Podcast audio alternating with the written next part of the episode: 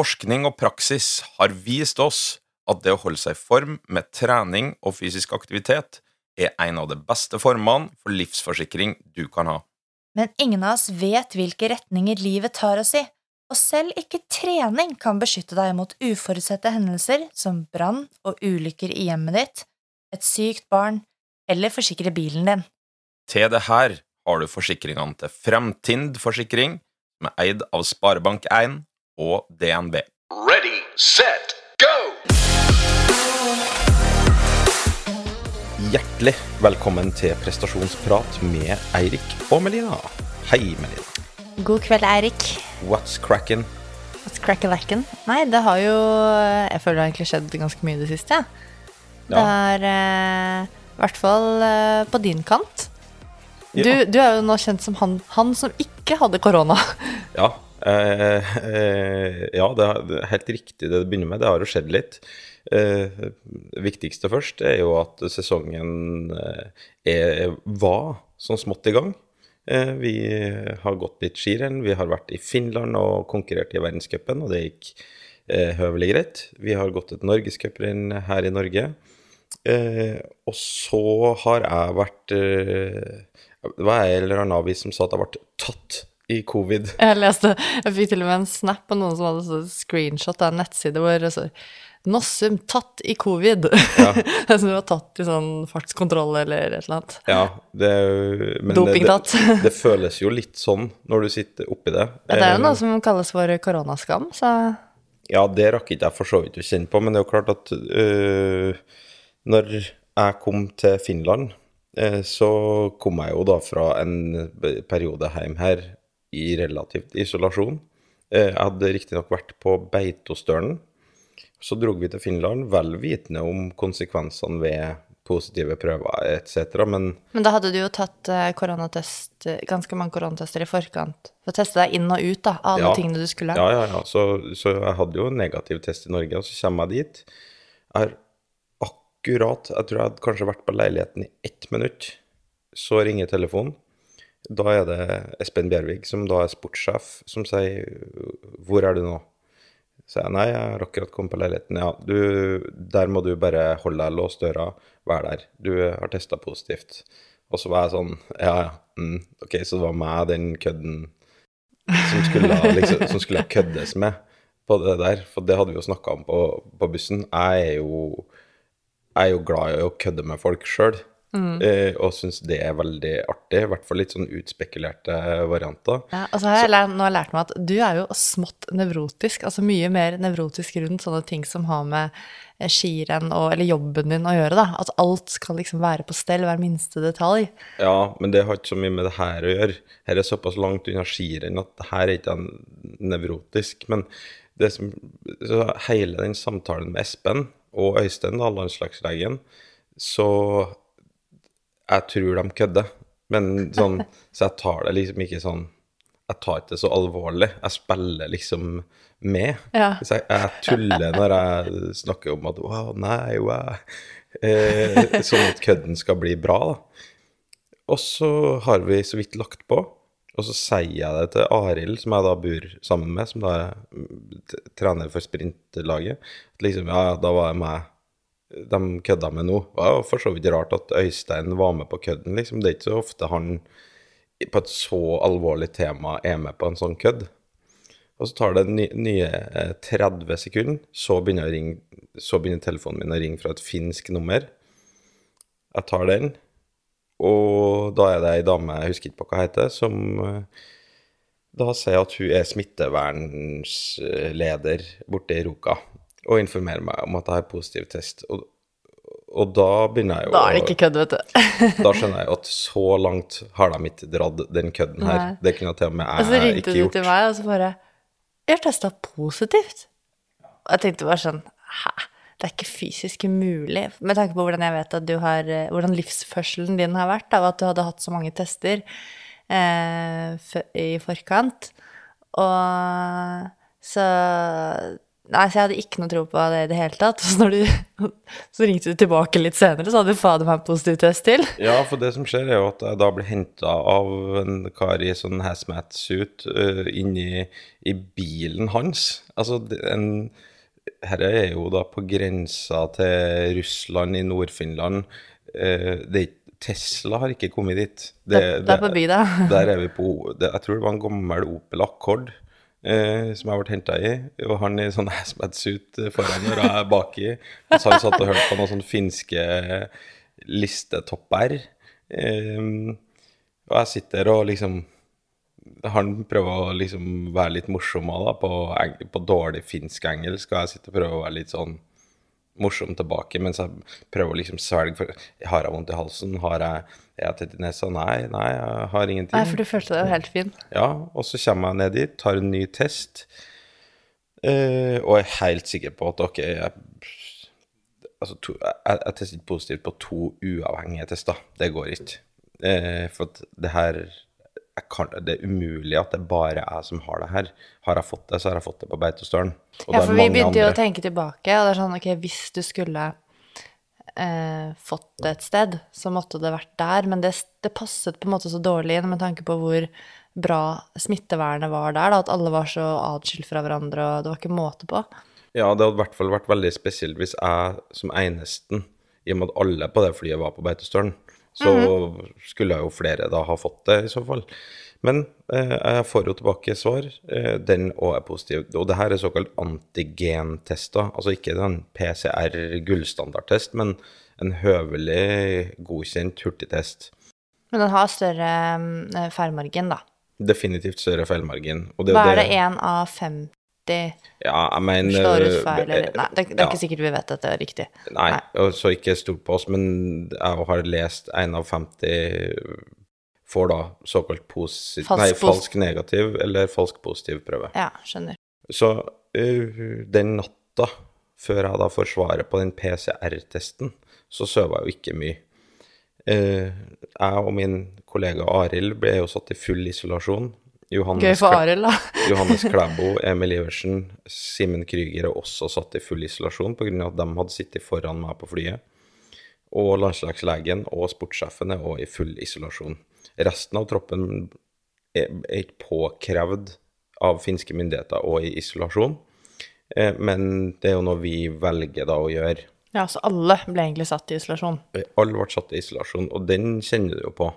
At sånn Hvis nå vi skal være borte, bli pålagt å være igjen i ti dager her, i full isolasjon, på bakgrunn av min På den leiligheten og får ikke ta i dørhåndtaket, liksom.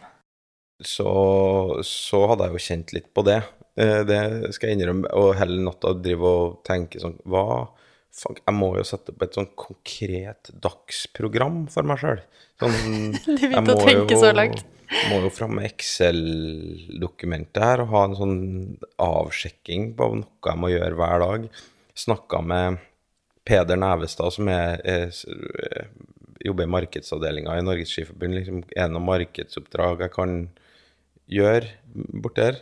Men heldigvis da, så, så kommer jo den PCR-testen ut negativ klokka tolv neste dag, og den trumfer jo alt.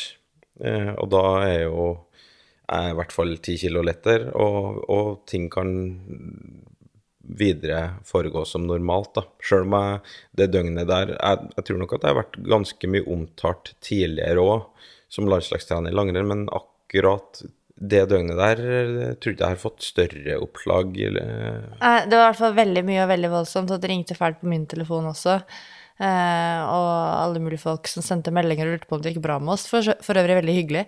Eh, men eh, Og så var det sånn første sak på alle mulige nettaviser. Og så når det viser seg at du ikke har korona, så må du skralle langt ned for å finne ut av det, da. Det var litt dårlig gjort. Men eh, vi får satse på at de fleste har fått med seg at du er han som ikke har korona, da. At, jeg har han som slo korona. Altså slo korona. Jeg skjønte at du begynte å nesten krisemaksimere litt der en stund, når du foreslo for meg sånn Ja, hvis jeg må være her nå i ti dager, altså da må vi ha noe online yoga sammen, eller noe sånt. Og det bare fortalte meg liksom litt om, eh, graden av hva du følte, da. Fordi at du frivillig foreslår yoga, det har nå aldri skjedd før. Jeg er veldig glad for at jeg slapp unna det. Ja, da slapp du yoga. Og her på hjemmebane går livet sin vante gang. Ja, nå føler jeg altså da at eh, langrennsfruelivet har kommet i gang med Ja, at sesongen er i gang, og da blir det veldig hektiske dager de få dagene du er hjemme. Jeg skal jo både ta lappen, jeg skal trene uten vogn, jeg skal gjøre alle mine greier, som å dra til frisøren og eh, alt mulig sånt nå, eh, på den korte tiden hvor du da er hjemme. Men så eh, skal jo ikke dere reise så veldig mye mer nå eh, før etter nyttår. Så da skal vi plutselig få være sammen på noen datoer som vi aldri har vært eh, sammen før eh, noensinne. Så lenge i de ti årene, pluss minus et eller annet, vi har vært sammen. Mm. Så det blir veldig hyggelig. Så nå er planen min å eh, fortsette å trene så mye som mulig uten vogn. Du skal få dytte på vogna.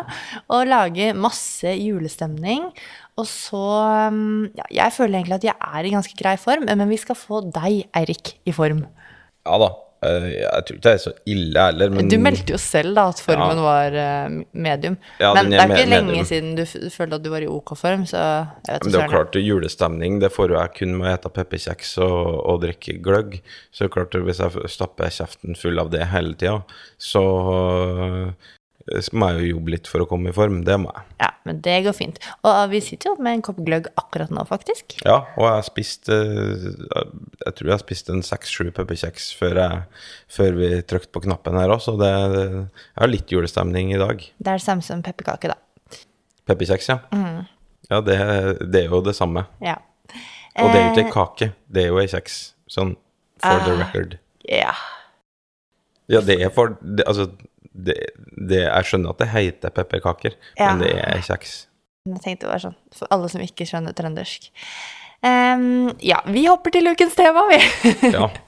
Og det er jo ikke pepperkjeks eller pepperkaker eller noen ting. Nei, men det er noe man kanskje kan putte i munnen.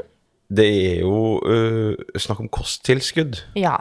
Og det øh, pepper, verken pepperkaker eller gløgg eller noe sånt kan jo inn under den parolen.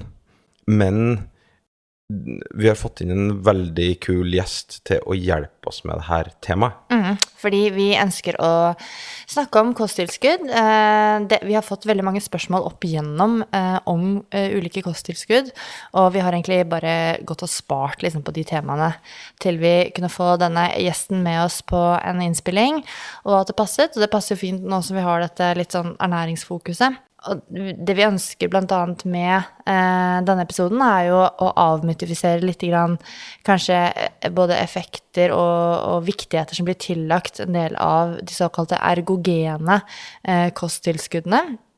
Snakke litt om for hvem er det aktuelt å, å bruke disse kosttilskuddene, eh, og, og litt om kanskje protokoller og for hvordan man kan bruke de, eh, for de som det er aktuelt for, og også hvorfor de eventuelt virker, eller eventuelt ikke virker. Eh, så rett og slett eh, en ganske sånn Få en oversikt over de ergogene eh, kosttilskuddene som eh, finnes, som er mest vanlige. Eh, og ergogene kosttilskudd, eller det at noe er ergogent, det betyr at det har en effekt, eller en påstått effekt på prestasjonsevnen. Um, har du noe erfaring med kosttilskudd, Erik? Ergogene kosttilskudd? Nei, altså koffein uh, Ja, har jeg jo vesentlig erfaring med gjennom at jeg har uh, vært med og, og gjort noen studier på det. Men utover det Ja, for du skrev mastergraden din på et koffeinstudie, og vi har jo en episode Ja. tidligere hvor vi snakket om det med Hans Christian Stadheim, som gjorde doktorgraden sin på det datamaterialet som du brukte. Så hvis dere vil høre mer om eh, utholdenhetsprestasjon spesifikt og koffein, så er det bare å lytte tilbake på den episoden. Utover det så har ikke jeg noe personlig erfaring med noe kosttilskudd. Eh, jeg forholder meg til karbohydrater, fett og protein eh, og vann. Og da kommer jeg fryktelig langt, uh, syns jeg, da. Ja. Eh, Jeg har jo vært med på et beta-alanin-studie en gang, vært forsøksperson. Eh, Så der fikk jeg jo eh, noe erfaring. Og så Ja, koffein har jeg også brukt i ulike typer former. Eh, Jeg har ikke testet sånn veldig nøye om i hvilken grad jeg responderer på det, men jeg har liksom brukt det litt for sikkerhets skyld, som sikkert mange gjør. Eh, Og ellers så har jeg ikke befattet meg noe særlig med andre typer kost, altså ergogene kosttilskudd, altså. Eh, men selvfølgelig, liksom, opp igjennom så har jeg kanskje hatt litt lav jernstatus, tatt litt tilskudd for det i samråd med lege. Nå tar jeg kosttilskudd som, ikke, som jeg tror ikke er så veldig ergogent. Det er sånn ammevitaminer. så, og under graviditeten tok jeg gravidvitaminer, så det er liksom Det blir på en måte helt noe annet, da. Men så når det gjelder ergogene kosttilskudd, så har jeg vel mer, holdt på å si, kan mer teori enn jeg har erfaring. Så, men det blir spennende å snakke mer om det her. Og vår eminente gjest, det er Martin Norum. Martin Norum han er en ettertraktet personlig trener. Han er forfatter og foredragsholder, og han setter integritet og faglig utvikling veldig høyt. Eh, Martin han har en mastergrad i idrettsernæring fra Middlesex University i London. Og den mastergraden den ble gjort i et samarbeid med Norges idrettshøgskole, der han bl.a. hadde en av våre tidligere professorer, Truls Råstad, som sin veileder. Jeg traff Truls Råstad på ski i helga. Så hei til Truls. Ja, hei til. Truls. Truls har en datter som er veldig dyktig på ski. um, ja, og hans, eh, eller um, eh, Martin Norum sitt daglige arbeid, det fordeles eh, Han er en sånn fyr med mange hatter, han. Han har både faglig ansvar på sprek fritid, han holder foredrag, har um, faglige oppdateringer på webinarer. Du kan få oppfølging av han som trener i Oslo via eh, portalen hans som heter webcoaching.no. Og han driver også en podkast som heter Sterkere podkast. Um, og den har han sammen med Benjamin Christensen, som er en god kollega av meg, faktisk, og deg, i AFPT. Eh, og så er han redaksjonsmedlem i Norsk tidsskrift for ernæring og er aktivt med i et forskningsmiljø. Og så har han i tillegg veldig lang erfaring fra treningsbransjen. Så det er ikke noe tvil om at eh, dette er den rette personen til å snakke med oss om eh, ergogene kosttilskudd. Det blir helt uh, topp, det. Så jeg tror vi hopper rett til vår prat med Martin. Så da ønsker jeg egentlig bare hjertelig velkommen til deg, Martin. Vi har nå sittet og snakka om våre erfaringer med kosttilskudd. Hva er dine? Jo, eh, først og fremst tusen takk for at jeg får lov eh, til å bli invitert. Veldig hyggelig. Eh, hos eh, oss i min podkast har vi såpass høye krav til å være gjest at det er nesten kun Melina som har fått lov til å delta. Pluss én til. Eh, Jeg meg skjønner dere, er, over det. dere har kanskje litt lavere krav siden jeg får lov å komme. Men uansett veldig hyggelig. Eh, når det gjelder min erfaring med, med kosttilskudd, så er den eh, teoretisk ganske stor, men praktisk ikke sånn kjempestor. Jeg har eksperimentert med noen ytterst få tilskudd som jeg mener kan ha en viss relevans for å bli bedre på ting jeg har eh, trent målrettet mot. Da. Og et av de tilskuddene jeg kanskje har eh, brukt mest, er eh, kreatin. Og det har vært et tilskudd som jeg har sett bruksnytt av opp mot et mål om å bli sterkere og, og eh, ja, øke kraft, da, spesielt. Så det har liksom vært et mål jeg har hatt i en del år eh, før jeg switchet litt om til å trene mer mot utholdenhetstrening for ikke så veldig lenge siden. Um, og siden jeg byttet over til å trene mer mot uh, triatlon, som jeg gjør nå, da, så har jeg egentlig fortsatt med kreatin. Uh, ikke fordi jeg tror at det er noe som gjør at jeg vil bli noe bedre i utholdenhetsidrett nødvendigvis, men eh, trener fortsatt styrketrening og kan kanskje få effekt av kreatin fremdeles uh, rettet mot det. Og så er det veldig lite annet jeg bruker. Jeg bruker egentlig kun kreatin og innimellom koffein. Har ingen andre tilskudd enn det eventuelt D-vitamin som jeg tar nå på vinterhalvåret. da. Her, du er jo allerede inne på, på noe her som er interessant. Så du, er inne på kreatin, du tar det for å få kanskje en add-on-effekt. da. Og mange av de lytterne som sine spørsmål Vi er jo som vanlig heldige å få veldig, veldig mye spørsmål, men så er jo Du gjør det jo her da for å kanskje prestere bedre. Et spørsmål som går igjen, er må en ta kosttilskudd for å bli god i idrett, da? Ja, nei, det er jo i mitt hode veldig åpenbart at det behøver man ikke i det hele tatt. Eh, det som gir treningsfremgangen, er jo ikke det å ta kosttilskudd, det er jo treningen. Så det er jo treningen som er eh, helt essensiell. Men så er jo da spørsmålet om enkelte tilskudd kan forsterke adaptasjonene man ønsker å fremme, da, med bra systematisk planlagt trening over tid. Så det er jo ikke sånn at uh, kosttilskudd er noe avgjørende element i det i det hele tatt. Men uh, det kan være prikken over i-en for noen, og i enkelte scenarioer så kan det kanskje potensielt være av stor betydning der marginene er små. Men så er det jo også forhåndsregler som man bør ta, tenker jeg, da, når man skal bruke tilskudd. Og det gjelder ikke bare for topprettsutøvere, men også for uh, vanlig menigmann. Hva slags type forhåndsregler tenker du på da, f.eks.? Nei, jeg tenker at Innenfor idrettsernæring da, så, er en uh, viktig grunnsten at man skal selvfølgelig gi evidensbaserte, fornuftige råd, men man skal heller ikke gjøre noen skade. Så det blir være veldig viktig at man tar forhåndsregler uh, hva gjelder at det man putter i seg, er trygt og inneholder de tingene man forventer at det skal inneholde. da. Og det er faktisk ikke alltid at det er slik. Eh, innimellom så kan tilskudd inneholde ting som du forventer at skal være der, men kanskje ikke i så store eller små mengder som du forventer at skal være der. Men det kan også inneholde ting du ikke forventer at skal være der. Og det er potensielt litt mer, mer alvorlig, da.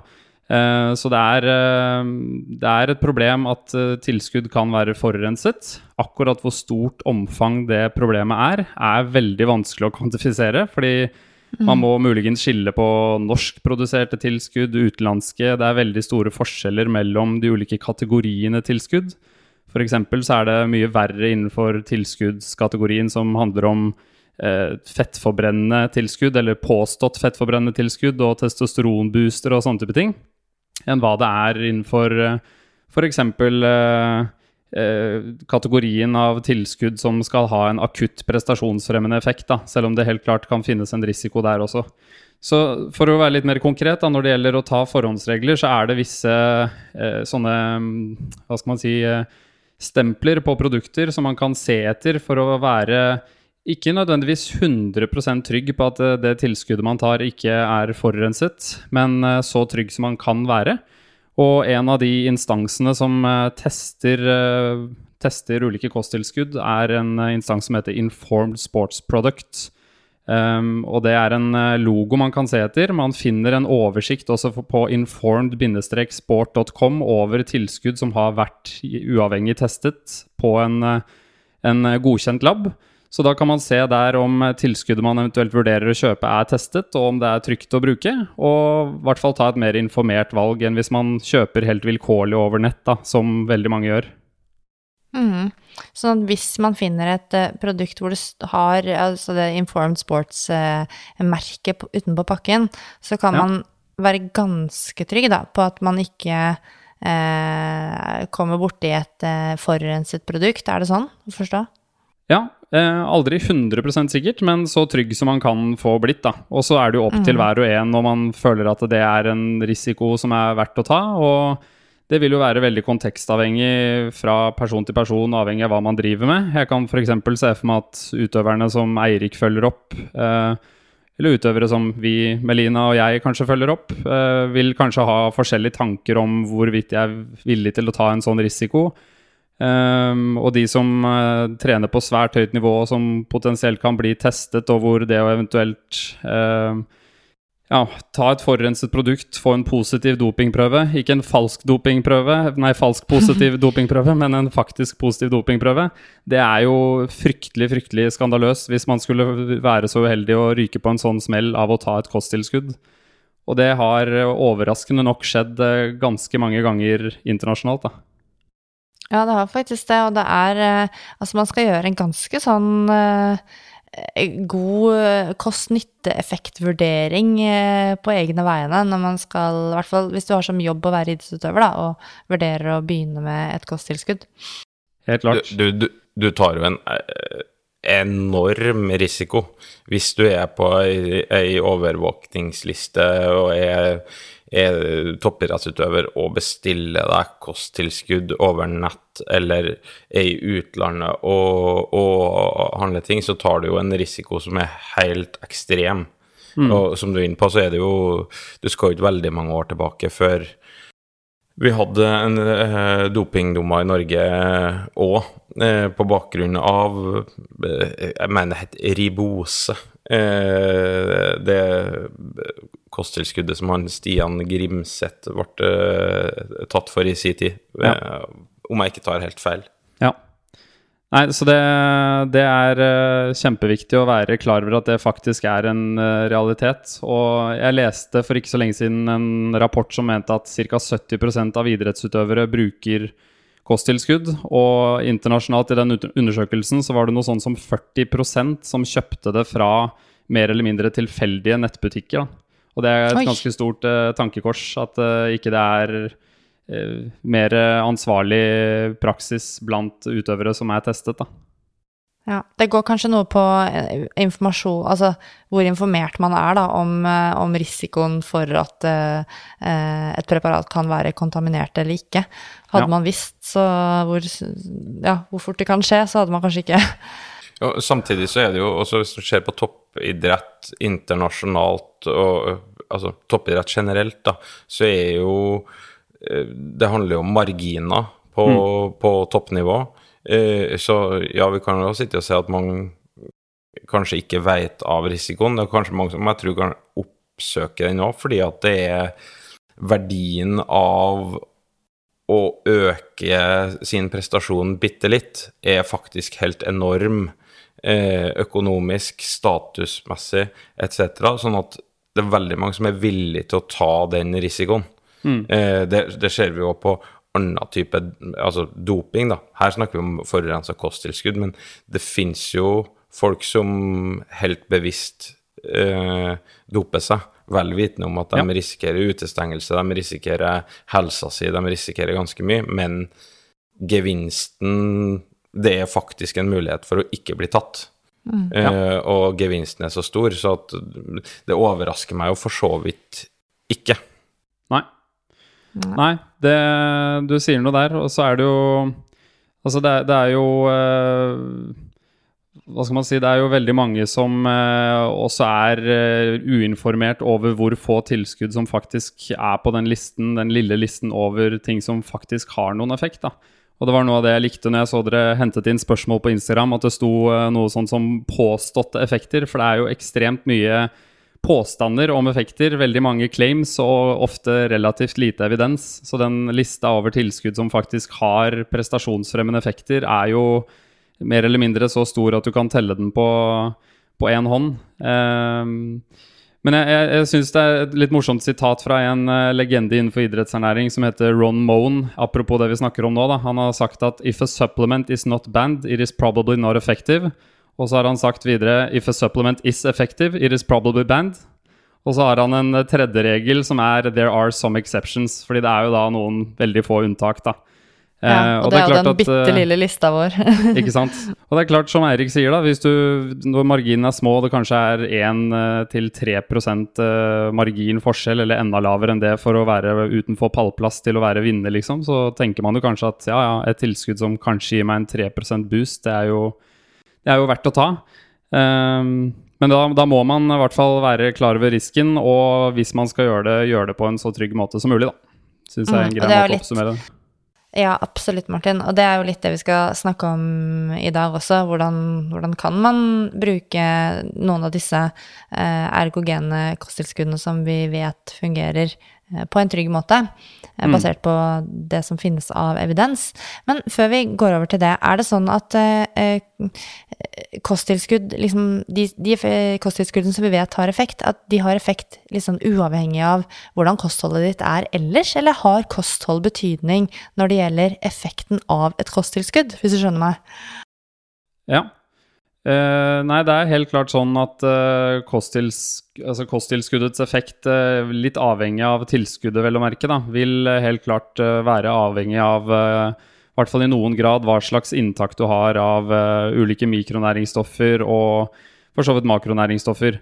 Si at du spiser et eh, rent plantebasert kosthold, ikke er nøye med å få i deg nok jern fra ulike matvaregrupper, så vil jo f.eks. det å innta jern være noe som kan både være gunstig helsemessig i form av et tilskudd, men også faktisk øke prestasjonen i form av å øke oksygenopptaket. Mens eh, for de som har bra jernstatus, så gir ikke jerntilskudd på toppen noen uh, verken helsemessig gevinst eller prestasjonsmessig gevinst. Og sånn er det nok i noen grad også med noen av de tilskuddene vi skal snakke om. Et eksempel er jo kreatin. Der ser man f.eks. at uh, kreatinlagrene hos uh, veganere og vegetarianere blir enda mer fulle når man tar kreatintilskudd enn hva de gjør hos omnivåre som spiser også kjøttprodukter. Og det har jo å gjøre med at de får i seg mer kreatin fra f.eks. kjøtt og fisk osv. Mm. Sånn at egentlig så blir det Kommer man nærmere normalnivåer hvis man har litt eh, lav ernæringsstatus på noen mikronæringsstoffer, f.eks. Ja, og så kanskje man, det, og så er det egentlig det som Det blir en slags uh, uh, surrogat, nesten. For at uh, altså det er det som, som, gir den prestasjonsfremmende effekten, mer enn at det er en sånn add-on da, til ja. et normalnivå. Men så har du jo noen unntak der, da, sånn som f.eks. koffein. Det er jo ikke sånn at uh, de fleste får i seg veldig mye koffein gjennom vanlige matvarer. Altså de får det gjennom uh, Ja, det kan være sjokolade, vel å merke, i den grad du definerer det som matvare. Eller kakao og te og kaffe osv. Men uh, det, det, er jo noe som man kan få en effekt av, uavhengig av hvordan kostholdet ellers er sammensatt, da. Mm. Um Altså, når man skal uh, undersøke uh, hvordan eh, kosttilskudd virker, og hva slags effekter de har Altså, vi, vi kan eh, søke på internett, og så kan vi kanskje få opp noen studier, og så er det eh, Jeg syns det kan være ganske utfordrende å eh, forstå i hvilken grad et kosttilskudd har effekt eller ikke. Fordi det kan være så sprikende hva du finner, da. Litt avhengig av hva som popper opp eh, i Google når du søker på effekten av et kosttilskudd på styrke, f.eks., eller, eh, eller utholdenhetsprestasjon. Hvordan kan vi egentlig eh, oppdatere oss på, på hva som fungerer? Ja, det er et bra spørsmål. Jeg tenker Det er kanskje litt forskjellige svar, avhengig av om man tenker for fagfolk som har kanskje litt andre ressurser og litt andre kanaler de ser i, og for menigmann, da, som eh, kanskje vil ha en litt mer sånn rask konklusjon. Men eh, du har jo veldig rett i at det kan være litt vanskelig å finne ut av det, og det er eh, ofte ganske sprikende funn, og det er det kanskje ja, jeg skal ikke si i større grad i kosttilskuddsbransjen enn andre bransjer. Eh, men eh, det er ganske mange metodisk begrensede studier innenfor kosttilskuddsbransjen, fordi det ofte er ganske få deltakere som ikke gir en kjempegod statistisk styrke, så det er vanskelig å finne de små effektene man er ute etter å finne når man skal undersøke effekten av noe. Um, mm. og Derfor så kan det hende at man kanskje ser en tendens mot at det har en liten effekt, og så slår det ikke ut som såkalt statistisk signifikant osv. Uh, og det er flere eksempler på det f.eks. i proteinforskning, der man har sett at personer som har et uh, i hvert fall i idrettsernæringskontekst lavt proteininntak, når de øker proteininntaket, så er det veldig mange studier som ser at man får en liten ekstra effekt på styrke og muskelmasse, men det slår ikke ut som statistisk signifikant. Men når man så har gjort f.eks. det man kaller en metaanalyse, hvor man har satt sammen veldig mange studier og kunne øke den statistiske styrken gjennom å, å slå sammen eh, flere datasett, da, så har man kunnet trekke litt tydeligere konklusjoner og sett at ja, disse studiene samlet viser faktisk at det er en statistisk signifikant effekt av å øke proteininntaket fra f.eks. 1 gram per kilo til 1,6 gram per kilo.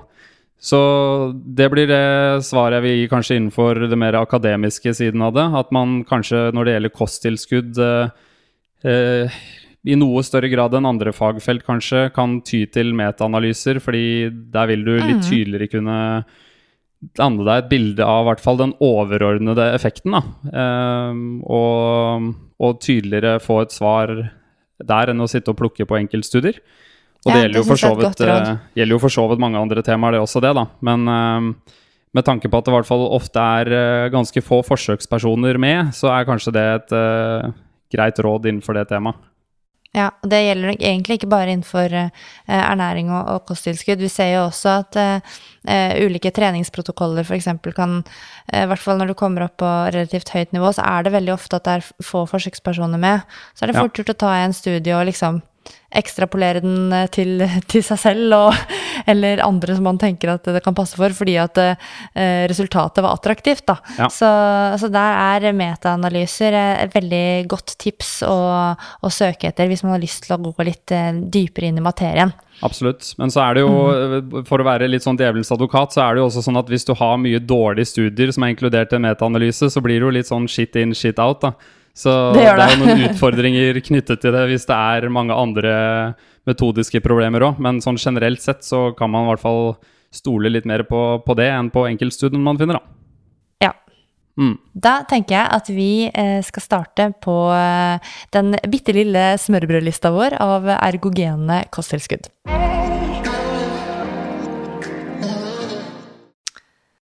Ja, da er det koffein som er først ut på lista. Og jeg føler meg ganske heldig akkurat nå, for jeg sitter jo her med to personer som har skrevet hver sin mastergrad på koffein. Rett og slett to koffeinforskere. Og da er det jo du, Eirik, du har jo eh, skrevet om utholdenhetsprestasjon og høyde, weiter. Det har vi prata om før.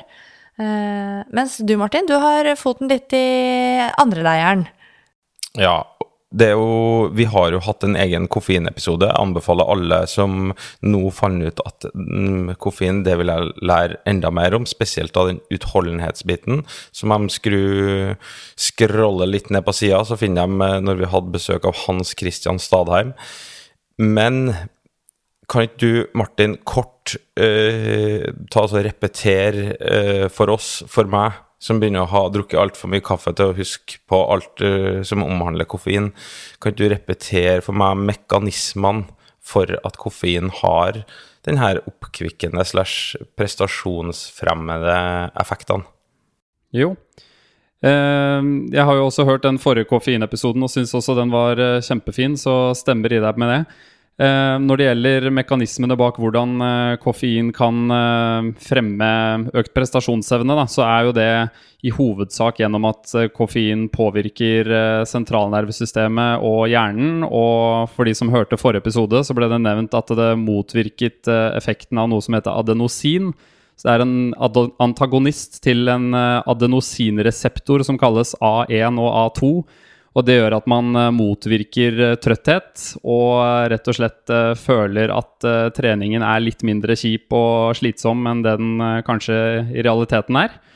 Så det har jo en form for kognitiv effekt og har en smertereduserende effekt. Det er jo også noe av grunnen til at du får kjøpt paracetamol med koffein, fordi det faktisk gir en liten add-on add-on-effekt på å redusere smerte. Men eh, når det gjelder styrke spesifikt, da, så har man jo vært litt nysgjerrig på om det også kanskje er, i tillegg til sentrale effekter, perifere faktorer som kan påvirkes, og om du faktisk kan ha en direkte effekt på muskelkontraksjon. For dere kan jo tenke dere at hvis dere skal f.eks. gjøre et maksløft i knebøy eller eh, markløft eller benkpress eller hva det måtte være, så er kanskje ikke det å redusere smerten nødvendigvis det som er det aller viktigste. Det er jo ikke sånn kjempevondt nødvendigvis å ta en én rep makstest. Eh, vil i hvert fall si det er mindre vondt enn å gjøre en eh, ja, maks rep-test på 60% av maksløft, eller noe sånt, hvor du kanskje tar 20-30 pluss repetisjoner. Da er det mer relevant å ikke ha så vondt og, og, og ikke kjenne det ubehaget i like stor grad. Så ja, det har vært eh, forsket en del på det, og det er jo tegn som tyder på at man eh, har en liten effekt eh, på å rett og slett øke aktiveringsgraden til de arbeidende musklene når man trener, da. Ja, Eh, og det er jo spennende. Dere, du har jo selv gjort eh, noen studier på dette her med effektene av koffein på styrke og kraft. Ja. Sammen med en eh, god eh, kollega som heter Linn Kristin Risvang, så gjorde vi en eh, studie på veldig sterke kvinner som hadde trent styrketrening i fem-seks år i snitt. Og de var rett og slett på et veldig høyt nivå styrkemessig. Ehm, så det vi var interessert i, var jo rett og slett å forske på kvinner, først og fremst. Fordi det er ganske mye idrettsvitenskap som, som skjer på menn. Så vi var litt interessert i å se litt nærmere på kvinner, og se om det eventuelt var noen eh, annen effekt enn det man tidligere hadde funnet på menn med tilsvarende doser. Um, og så var det vi da var interessert i å finne ut av mer spesifikt om koffein påvirket maksimal styrke, om det påvirket uh, muskulær utholdenhet, og om det påvirket spenst. Og da målte vi også det jeg snakket om i stad, med aktiveringsgraden. Uh, enkelt forklart hvor mange prosent av muskelen du aktiverer i en gitt øvelse.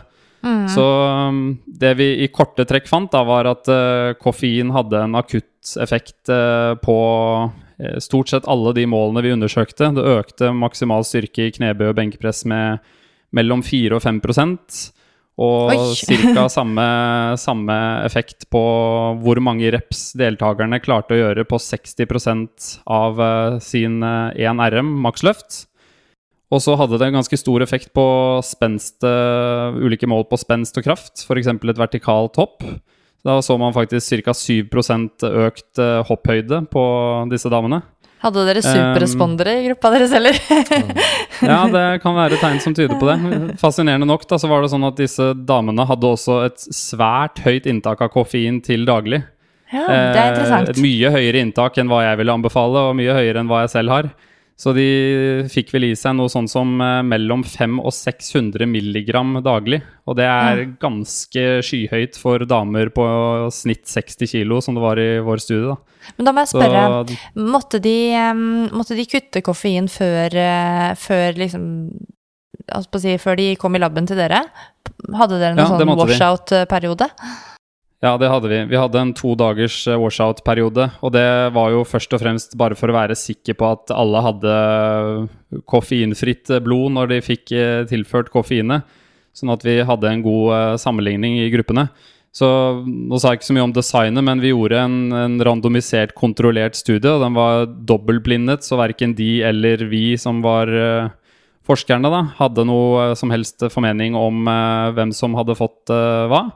Det var faktisk også Hans Christian som eh, gjennomførte den, eh, den blinde prosessen og blandet eh, tilskuddene for oss. Så takk til ham for det. Um, og de, vi gjorde dette her i en sånn såkalt crossover-protokoll. så deltakerne var sin egen kontrollperson. Så de var innom flere ganger både for sånne tilvenningsøkter, og så kom de innom to ganger for å teste da med placebo og med koffein. da. Ja. Så, er, eh, dere har jo, mm, for lytternes informasjon, da, så er jo det designet som dere har, det er jo ansett som eh, et, et, veldig mm, eh, Altså veldig god kvalitet på studiedesignet. Og så er det også sånn at når man har et crossover-design og er sine egne kontroller, så eh, trenger man f.eks. heller ikke å ha eh, 78 åtte forsøkspersoner. altså Man trenger ikke ha kjempemange. Um, mm. Så det er veldig, det er veldig sånn stødig og godt design da, på, um, på, studien. Så det For å komplementere det. ja, nei, Vi skulle gjerne hatt enda flere deltakere, vi også. Det var en del som falt fra underveis, både som følge av at det var eh, smertefullt å gjennomføre testene. For vi ga de elektrisk støt, blant annet, som ikke var så kult å være med på. Eh, når vi skulle måle aktiveringsgraden. Og så var det også noen som rett og slett ikke klarte å avstå fra koffein. Da, som hadde fått i seg koffein uh, uten at de skulle det. Oi, oi, oi. Ja, det er et vi tankekors. det vi også lærte, var at uh, snus er en uh, potensiell kilde til koffein hos, hos en del. Da. I hvert fall enkelte typer snus som har sort te i seg osv. Så, videre. så det var en som hadde kuttet alle kilder, alle kilder til koffein, trodde hun, men så hadde hun snusa en eller annen form for snus med sort te. Og hun hadde like høye koffeinkonsentrasjoner som de deltakerne som fikk koffeindosene, hadde fått. Så det var jo interessant. Men da må jeg eh, spørre deg litt videre, da, Martin. Når eh, dere har fått så um, flotte, signifikante resultater som viser uh, i studien deres da, at eh, koffein eh, har positiv effekt på styrke og kraft og, ehm, og spenst. Eh, burde, vi da, burde vi innta koffein da før vi skal trene styrke og spenst? For det ville jo jeg tenkt nå. At nå, det, dette gir resultater. Det får meg til å yte det lille ekstra på trening. Hvis jeg yter det lille ekstra på trening eh, hver eneste gang, så må jeg jo bli eh, eh, raskere bedre, f.eks. At jeg får raskere fremgang, eller at jeg i det hele tatt blir mye bedre, da. Ja. Det er et uh, fryktelig godt spørsmål. Jeg syns det er vanskelig å svare helt kategorisk ja eller nei på det. Men uh, det som er et lite tankekors om ikke bare koffein, men en del kosttilskudd som har akutte effekter generelt, er at uh, det er ikke noe automatikk i at noe som gir en akutt prestasjonsboost, nødvendigvis også gjør deg bedre trent over tid. Og det tror jeg er litt viktig å, å, å, tenke over. Fordi det er veldig mange som setter likhetstegn mellom at noe har akutt effekt, og at du faktisk får en bedre treningsrespons av å bruke det. da. Og det er klart at når man uh, trener og skal bli uh, i bedre form, så er, jo, er, det jo naturlig å tenke at et tilskudd som gjør at du klarer å få et enda hardere, bedre stimuli, eller mer potent stimuli fra fra, fra, treningen også vil resultere i at man blir bedre trent over tid. Men som bl.a. Hans Christian nevnte i den andre koffeinepisoden, så er det jo sånn at du potensielt kan overprestere, og kanskje kan du få eh, litt større muskelskade og bruke lengre tid på å hente deg inn. Og kanskje, vel så viktig vil jeg si, kan det gå utover søvnen i koffein sitt tilfelle. da. Og det kan jo ha en mye mye større prestasjonsdempende effekt enn den lille boosten du får på enkeltøkter av å ta koffein. Så det er nok eh, veldig lett å la seg overbevise om at det har en eh, effekt over tid, men det er faktisk veldig dårlig undersøkt, så var det jeg skulle komme frem til. At det er, det er ikke så mye studier, treningsstudier som undersøker over tid da, hva som skjer. Nei. Så um, det er i hvert fall tilfellet på koffein, men så er det jo litt annerledes på enkelte andre tilskudd. Men jeg skulle personlig gjerne sett at man gjennomførte treningsstudie f.eks. over tre måneder hvor en gruppe fikk koffein hver eneste økt, og en annen gruppe ikke fikk det. Og man kunne se på om det faktisk hadde noen effektforskjell over tid uh, i sammenheng med, med styrketrening. Da. Mm. Men, ja, det hadde vært veldig ja. spennende. Men um, det, det. det, er jo eh, kanskje bedre å være safe enn sorry med tanke på det som du nevner med eh, mulighet for muskelskader, søvnforstyrrelser. Um, og vi har jo snakket litt om det tidligere, eller den episoden tidligere, at kanskje skal eh, det med å innta uh, koffein uh, spares til konkurranse, eller kanskje skal man bare bruke det periodevis på trening. Det er jo sånn man, man må vurdere nytten av selv, da. Men hvis ja. man nå uh, velger å eh, bruke koffein, eh, ikke bare som holdt på å si, den obligatoriske morgenkaffen sin, men bevisst inn mot prestasjon. Hvor, eh, hvor, mye skal man ta, og når skal man ta det, for å liksom få litt eh, Egentlig repetere litt opp igjen, kanskje, fra den forrige episoden vår. Mm. Kanskje du har noe å legge til? Jeg tenker jeg vil begynne med at for de som trener eh, på ettermiddag og kveld, så vil jeg fraråde å bruke koffein, helt sånn tydelig. Fordi det er veldig mange jeg ser på treningssentrene som popper Noco-boksen klokka sju på kvelden. Altså, det, det, er, er så. Ikke, det er kanskje ikke det beste rådet, i hvert fall hvis du har lyst til å sovne senere på kvelden. Og faktisk er det også sånn at selv om du eventuelt ikke opplever selv at du får dårlig søvnkvalitet, og du får til å sovne ganske raskt, så er det ganske gode data som viser at den Altså objektive data som viser at søvnkvaliteten blir ganske redusert. da. Ja. Så uavhengig av hva du selv føler, så, så kan søvnen bli negativt påvirket av det.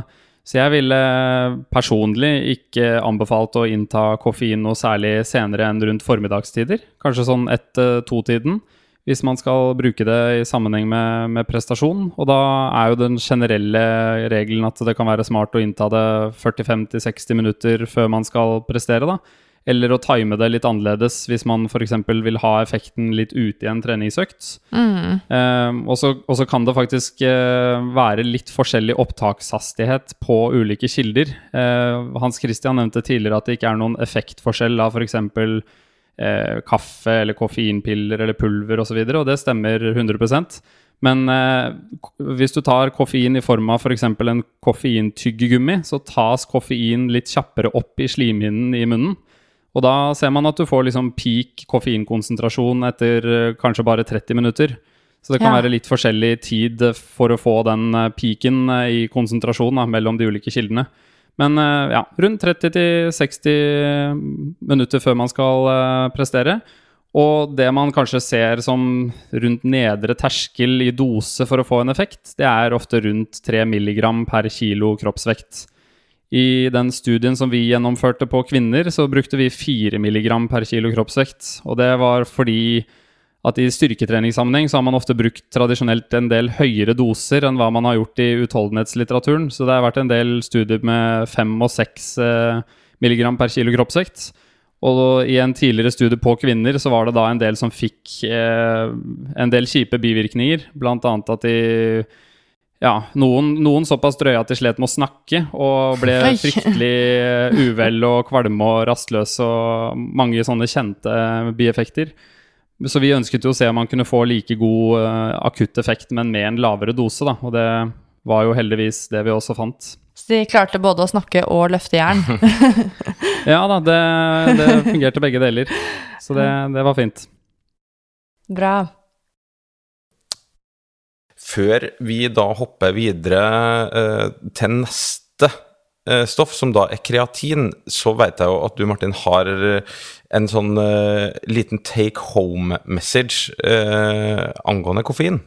Ja, i hvert fall noe jeg ønsker å, å, få frem som jeg tror kanskje mange ikke tenker så mye på. Og det er at mange har en del skjulte kilder til koffein i sitt uh, dagligdagse liv. Uh, og en av de kildene jeg da tenker på, det er rett og slett uh, ulike former for sort brus. det kan være Cola Zero eller Pepsi Max eller andre former for sorte leskedrikker, som ofte har en del mer koffein i seg enn hva man kanskje tenker seg. da. Så jeg vet at det er ganske vanlig for mange, både i ukedager og i helger kanskje spesielt, å drikke godt over en liter Cola Zero.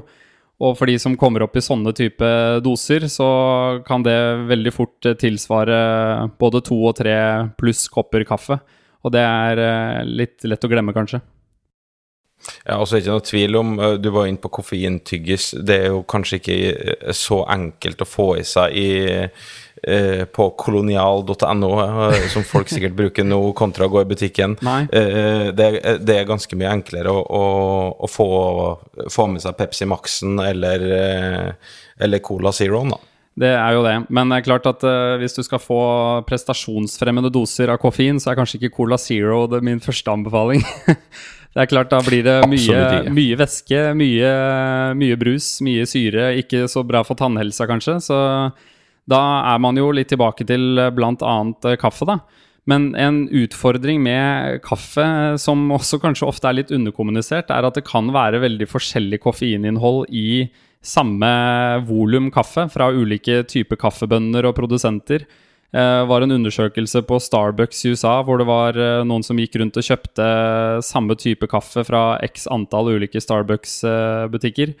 Og da undersøkte man koffeinkonsentrasjonen og fant ut at det var noe sånn som 70% forskjell mellom den som hadde lavest og, og mest koffein. Da. Selv innenfor samme produktkategori. Så det, det kan handle om hvordan uh, kaffebønnen er lagret og mye forskjellig. Uh, men uh, det blir jo veldig detaljert og hvis man skal drive og analysere kaffebønnene sine Jeg tror ikke det er det jeg skal anbefale her.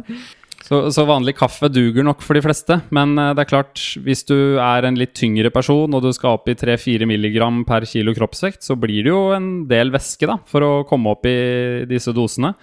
Og en ting som er veldig negativt for prestasjon, særlig innen utholdenhetsidrett, er jo hvis du får uh, mageproblemer. Det vet dere alt om. Det, det, kan jo være gjeldende med mange andre tilskudd enn uh, koffein, og for så vidt knyttes til bare vanlig mat også. Så det siste man vil ha, er jo mage-tarmproblemer når man er ute og skal uh, jakte, jakte, rekorder.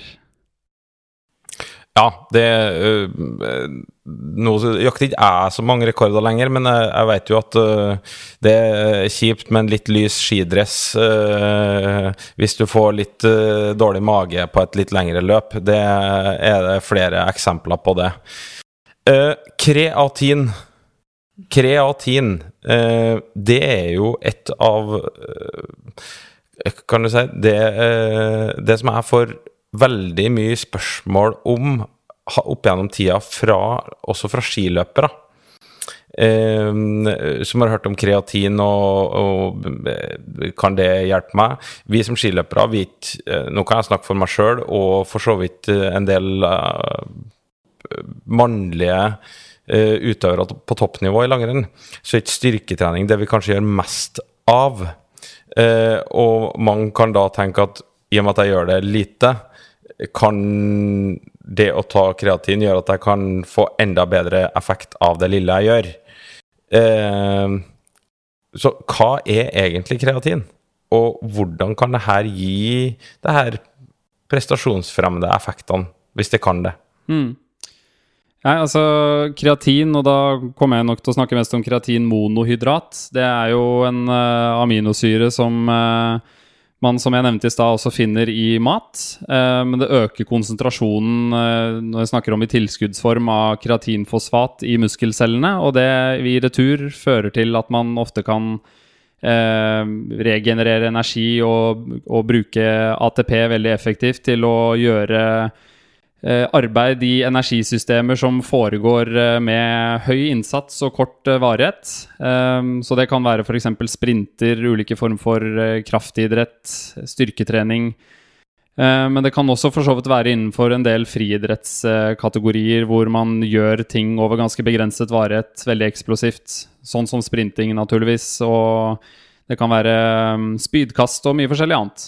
Så det er jo sånn at kreatinmonohydrats effekt er jo helt klart eh, størst når det kommer til disse idrettene som går innenfor kategorien kraft, styrke eller anarob prestasjon, og veldig mye lavere, om noe i det hele tatt, for aerob aktiviteter.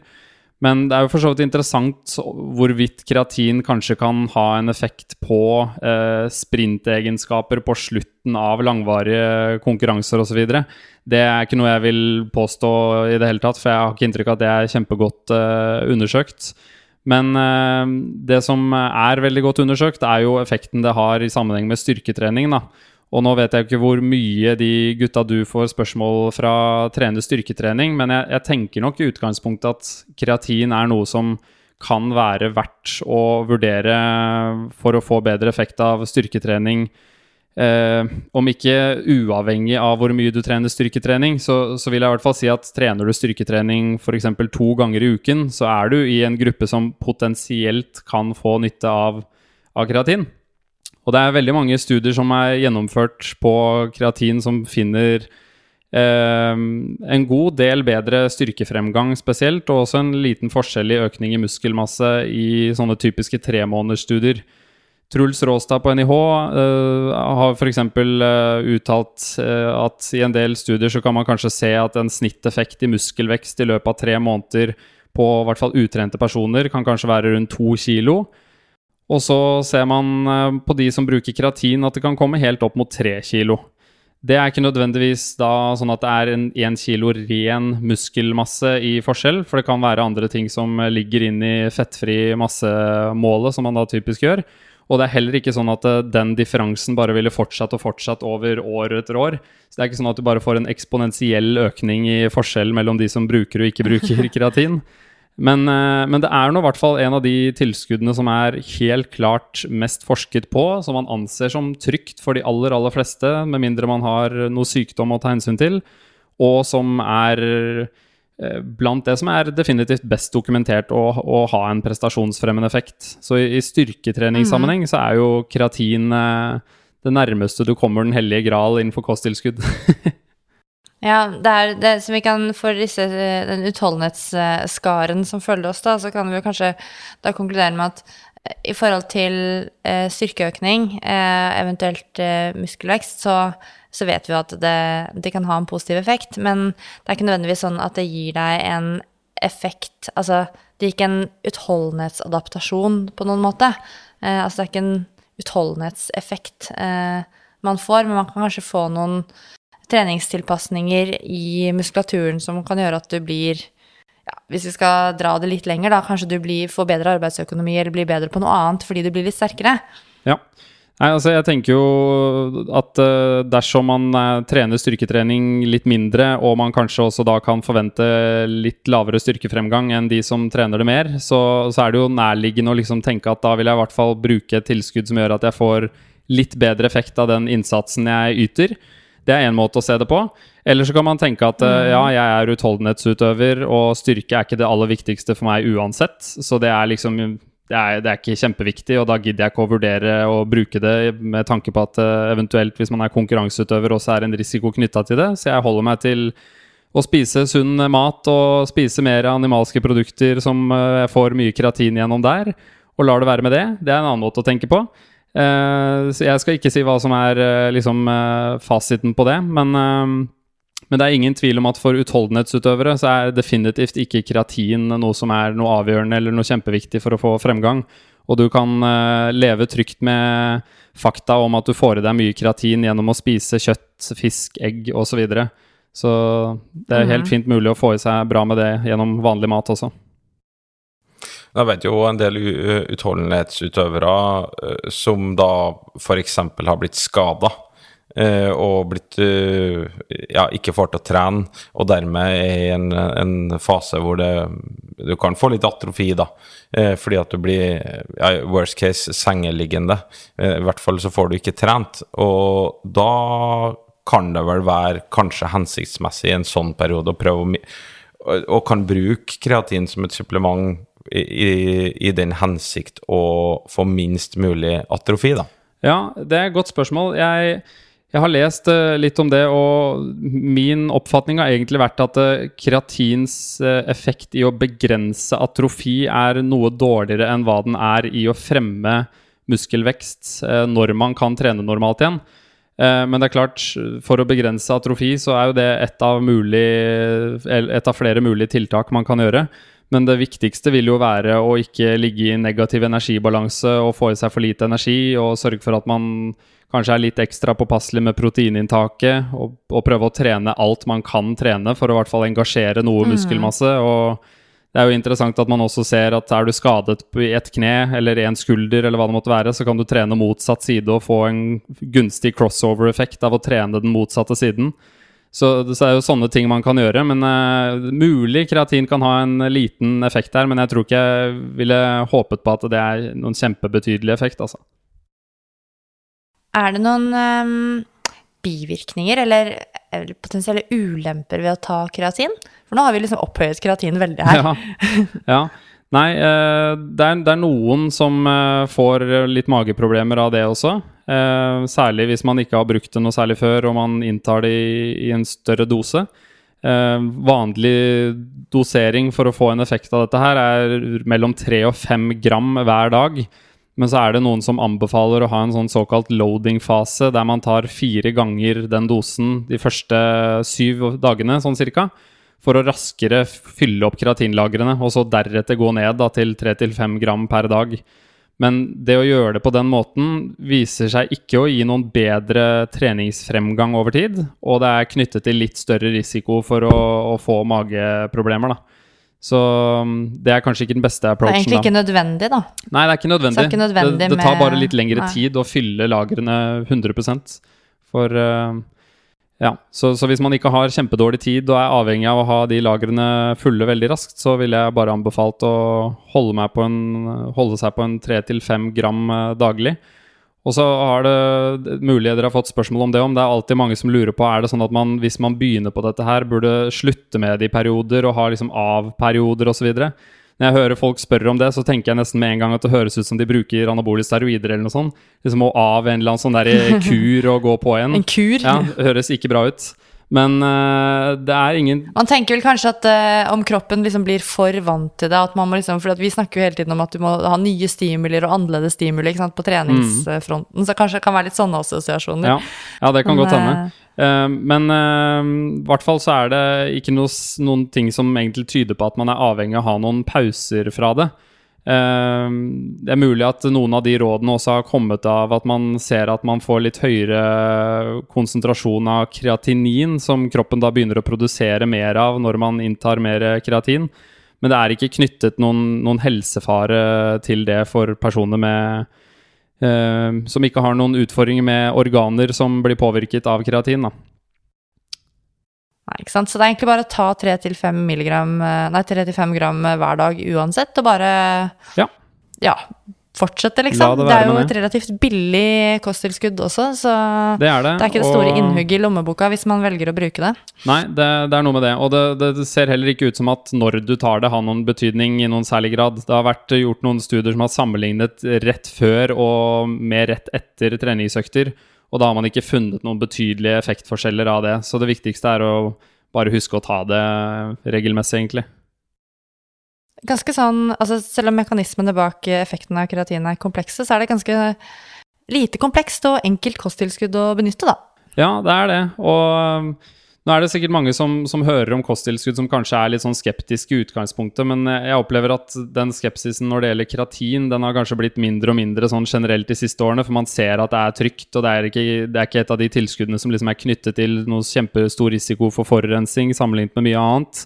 Og så brukes faktisk også kreatin i større grad enn før, har jeg inntrykk av. Dette er ikke mitt uh, fagfelt, men jeg har inntrykk av at det brukes mer også klinisk. For det er ting som tyder på at det faktisk kan ha positive effekter på bl.a. hjernen. Så det tenkte jeg skulle, For de som er interessert, så kan jeg linke til en artikkel som ser på liksom kliniske bruksområder av kreatin, som det er skrevet en, en god uh, artikkel om. da. Ja, det er kjempefint. Det er veldig fint hvis vi kan uh, få legge det ut som en, en link. Ok, Neste på smørbrødlista vår over ergogene kosttilskudd er faktisk et uh, kosttilskudd som jeg har uh, vært med på en studie om. Det er altså beta-alanin. Og da um, skulle jeg gjøre en uh, Wingate-test. Sykle hardt som bare pokker. jeg tipper du er ganske dårlig på det, for du er så treig. jeg var ikke så dårlig, faktisk, men Eh, jeg var ikke av de beste heller. Og selv ikke bedt han Nei, og det som var litt uh, artig med det der, da, var jo at uh, da var det jo selvfølgelig én uh, intervensjonsgruppe og én kontrollgruppe. Og vi skulle jo da ta betalanin over tid, det kommer vi jo tilbake til. Um, og så var det da Alle gikk jo selvfølgelig håpet at man havnet i betalanin-gruppen i denne studien på idrettshøyskolen, og da um, Og jeg skjønte ganske fort at jeg ikke havnet i beta-alanin-gruppen. Uh, og det var jo fordi at de som havnet i den gruppa, de fikk litt bivirkninger. Så det var ganske lett å avsløre, egentlig. Og sant, hele den blinde, blindede effekten forsvant, fordi at uh, man traff ikke helt på dosen, eventuelt timing med doseringen. Sånn at uh, det ble litt prikking og stikking i fingertuppene på de som, eh, som var i den eh, kontrollgruppa. Og jeg følte jeg satt igjen med skjegg i postkassa og måtte kjøre kjempeharde tester uten å få noe sånn spennende tilskudd. Så, så sånn var det. Men eh, ja. Det, vi kan jo starte med hva er dette her beta-alanin for noe, Martin? Ja, det er jo i bunn og grunn en ikke-essensiell aminosyre som også da er vist å kunne fremme prestasjonsevne. da. Så jeg har inntrykk av at det er litt sånn diskusjoner rundt akkurat mekanismen bak hvordan eh, det fungerer, at det er litt debattert. Men den typiske oppfatningen er jo at eh, man øker intramuskulær konsentrasjon av noe som heter karnosin, og det skal mm. gjøre at man får en såkalt sånn buffereffekt. da. Um, så du får en forsinkelse i uh, utmattelse, og du klarer å kanskje holde litt høyere intensitet på repeterte intervaller, for å ta et eksempel. da. Så, ja, vi har snakket om uh, dette med bufferkapasitet i, i, noen tidligere episoder, om at uh, det handler om å, å beholde en, en, viss stabil pH i muskulaturen, ja. da, sånn at man kan ha kraftfulle muskelkontraksjoner. Ja. Og det er jo her også karnosin kommer inn da, eh, og blir lagret i cellene og på en måte sluppet ut i respons til en eh, lavere pH. Eh, så det å øke lagrene av karnosin kan jo da beskytte mot eh, disse droppene i pH-en og gjøre at man kan opprettholde intensiteten litt bedre. Og det er for så vidt også en uh, aminosyre som du kan få i deg gjennom bl.a. kjøtt, bare for å ha nevnt det kjapt her. Så det er nok et eksempel på at man kan med en del av disse stoffene vi snakker om, faktisk få det i seg gjennom vanlig mat. Så blir gjerne dosene litt annerledes, da. Det er jo um, en del betaananin i eh, sånn, spesielt sånn dypvanns... Uh, Eh, sjømat, har jeg lest. Og så er de hval. Ja. Og ja, det var et eller annet eh, noe sånt. Men man, ja, man finner det jo i og Politisk ukorrekt å spise hval, da. ja. Men, eh, Men, det er noe der. det, det, er der. Og dypt, dypvannssjødyr, uh, som du kaller det, det vet jeg det, Vi har det i hvert fall ikke på tallerkenen hver uke. Nei, Nei. Det, det, har vi ikke. Men um, for å Altså, dette her med Når det er Vi skal bygge opp disse lagrene med karnosin. Hvorfor kan vi ikke bare spise karnosin, da? Hvorfor må vi ta beta-alanin? Nei, altså jeg, jeg, har inntrykk av at du ikke klarer å få de dosene som trengs for at du skal få den, uh, den konsentrasjonen av karnosin som er liksom nødvendig for at det skal fungere som en sånn intracellulær buffer. da. Um, fordi vi snakker jo her om doser som er kanskje 3-6 gram per dag i en liten periode for å få en effekt. Og jeg, nå har jeg ikke regnet på det, men jeg tror du skal spise rimelig mye hvalbiff for å komme opp i de dosene. Ja. Eh, så, så det er jo sånn med en del tilskudd, f.eks. også nitrat, eh, som vi sikkert kommer til. Det kan du f.eks. få i deg i høykonsentrasjon gjennom rødbetjuice. Eller du kan spise 400 gram ruccola for å få den samme dosen. Og da Ja, veit jeg hva jeg ville valgt. Det er ganske mye enklere å få det i seg gjennom rødbetjuice uh, enn uh, en noe annet. Så det er vel litt sånn med betalanin også. Uh, og nå er vi jo da også inne på et tilskudd som ikke har en akutt effekt. Nå snakker vi jo da om et tilskudd som du må faktisk bruke en liten periode for å, å få effekt, da.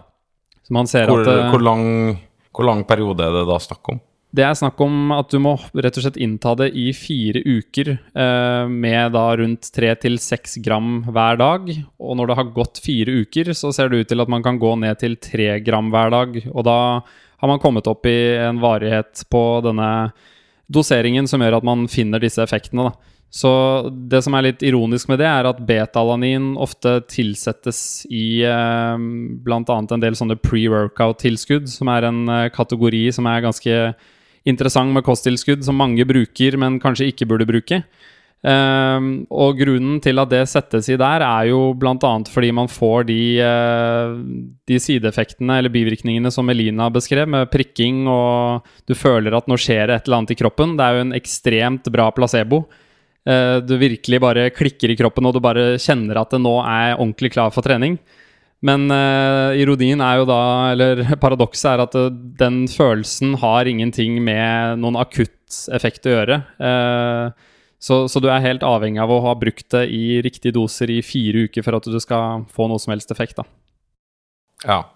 Men er det noe annet Altså, jeg skjønner jo at prikkinga i fingrene er en sideeffekt, men er det noe annet potensielle bivirkninger som er sett av det her? Eh, jeg har prøvd å lese meg litt opp på det også, og jeg har ikke klart å finne noen sånn veldig typiske bivirkninger utover det som man da kaller parastese, da, som er denne prikkingen i, i fingrene og i ansiktet osv. når man da har ganske høye doser. Men det, dette er noe som man typisk opplever helt å begynne med når man ikke har tatt det før, og det kan ganske enkelt unngås ved å ikke ta tre gram i én go, men å f.eks. ta en ett gram tre ganger i løpet av en dag, f.eks. Da. da slipper man som Mm. regel eh, den kjipe følelsen. Følelsen det klør. Eh, Ja, og så var du inne på noe i starten som er, er jo litt interessant. For altså, hvem kan potensielt få noe eh, effekt av det? Så er du inne på det med repetert sprint, da, eller repeterte intervaller etc. Mm. det er jo absolutt ikke alle idretter som har det, men typisk fotball, eh, tennis, eh, sånne idretter, ville du tenkt at det her er hensiktsmessig for noen sånn type idretter å eh, eh, bruke eller eksperimentere med? Hvis jeg skal bruke de ordene. Ja, ja potensielt. Eh, fordi det man har funnet ut, er at eh, effekten her er tydeligst på aktiviteter som har varighet mellom ett og fire minutter. Eh, når Ja. du går under ett minutt og over fire minutter, så er effekten mye mindre tydelig. Så det er høyintensitetstrening med varighet mellom ett og fire minutter. Og det kan jo innebefatte roing, svømming, løping eller intervallbasert idrett, som du nevnte nå, med ballsport osv.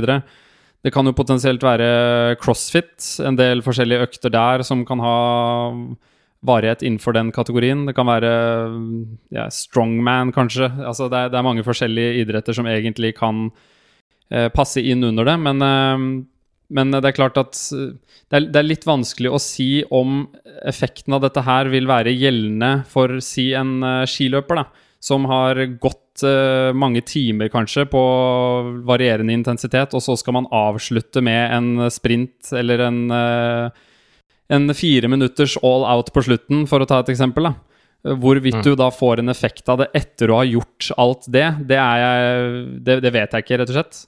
Eh, Så det, det kan jeg ikke gi noe godt svar på. Men eh, i hvert fall intervallbaserte aktiviteter eh, med den varigheten kan man potensielt få en liten effekt på, da.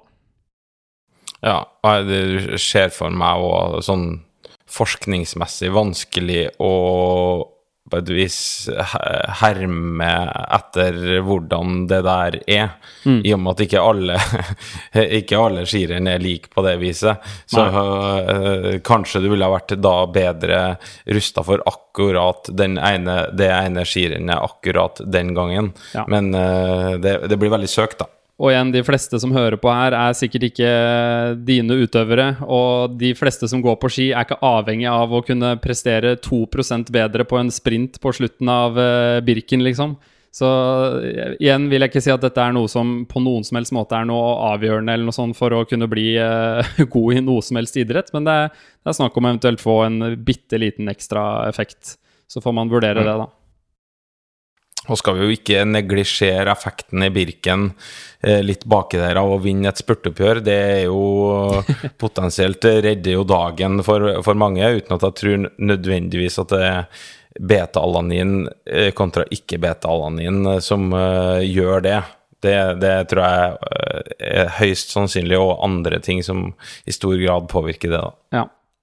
Nei, men Dette er i hvert fall eh, et av de tilskuddene som, eh, som man har undersøkt i litt langtidsstudier også, da, hvor man faktisk har litt dokumentasjon på at det kan påvirke treningskapasiteten i noe grad. Så om ikke du nødvendigvis er opptatt av å vinne et spurtoppgjør, så har man i hvert fall indikasjoner på at du kan holde litt høyere intensitet på eh, intervaller innenfor den varigheten som vi har eh, snakket om nå.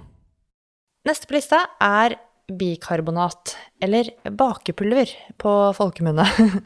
um, hva er bikarbonat for noe, Martin? Litt morsomt det med bakepulver. Jeg tror ikke det er så mange som har tenkt på at det liksom kan være et eh, kosttilskudd. Men jo da, eh, sodiumbikarbonat eh, er et eh, molekyl som også er en av disse bufferne. Eh, nå har vi jo vært litt inne på det, men for å motvirke store svingninger i eh, pH i blodet, da, så har jo kroppen ulike sånne buffersystemer. Og et buffersystem eh, består av da kjemiske forbindelser som eh, motvirker disse pH-forandringene når det kommer mer eller mindre syre enn vanlig inn i kroppen, i systemene. Og et av de buffersystemene er jo da bikarbonat. Så når du inntar bikarbonat i form av eh, bakepulver, så forbedrer det også da denne bufferkapasiteten, og du kan da igjen klare å potensielt holde ut litt lengre. Eh, Det er i samme kategorien som, eh, som beta-alanin. Og kan da potensielt gjøre at du også kan arbeide på litt høyere intensitet på høyintensive sprinter og intervaller, sånn som det var snakk om på beta-alanin. Men nå nevnte jeg i stad på beta-alanin at det man har god dokumentasjon for der, er at det, det fungerer på aktivitet med en varighet mellom ett og fire minutter. Mens på bikarbonat så er det litt annerledes. Der ser man at man har en effekt som spriker fra 45 sekunder og opp til 8 minutter.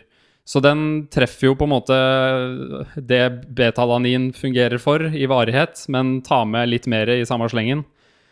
Eh, Så der er Uten at du egentlig trenger en sånn loading eh, Vi kan kalle det en loading Altså, du trenger ikke bruke det sånn Nei. lenge over tid, eller? Nei, for det, det er jo forskjellen. Det snakket vi om, det med loading-fasen og behovet for å holde på i fire uker for å få en effekt. da.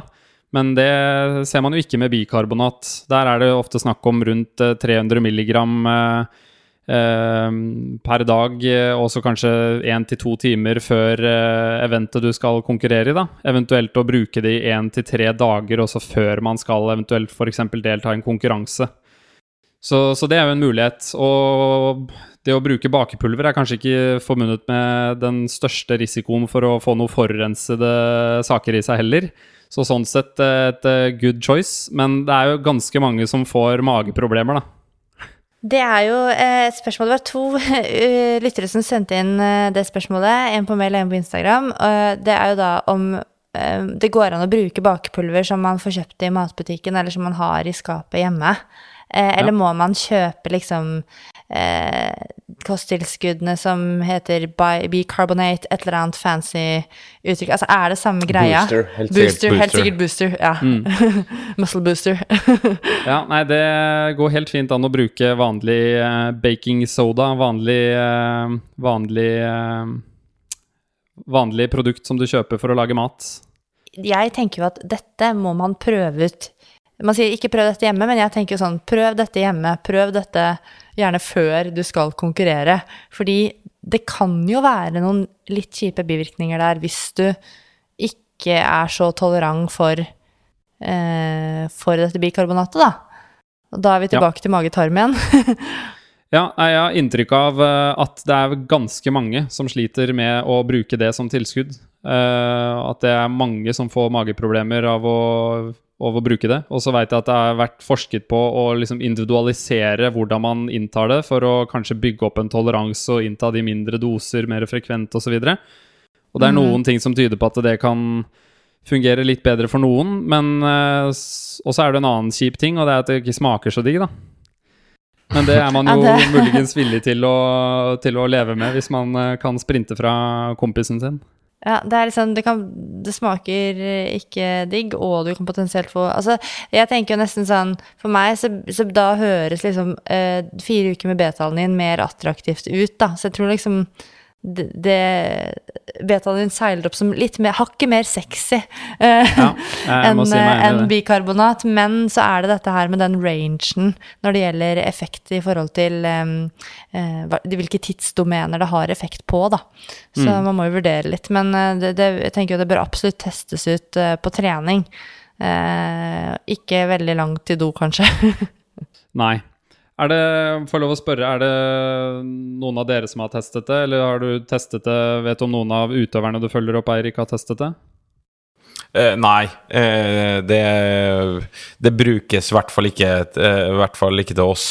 Eh, det eh, Verken underveis i et løp eller i forkant av et løp. Uh, nummer én, så Det er åtte minuttene, da, da har vi ikke kommet veldig langt uh, i løpene, stort sett. Det er sprint, da, Du har eventuelt. eventuelt sprint, men samtidig så er det det er såpass negative Eller sannsynligheten for å få noen negative bivirkninger er såpass stor eh, at det, det blir ikke brukt. Og underveis i løp til oss så er væske, sukker og til nød koffein som, eh, som er go to eh, for vår del.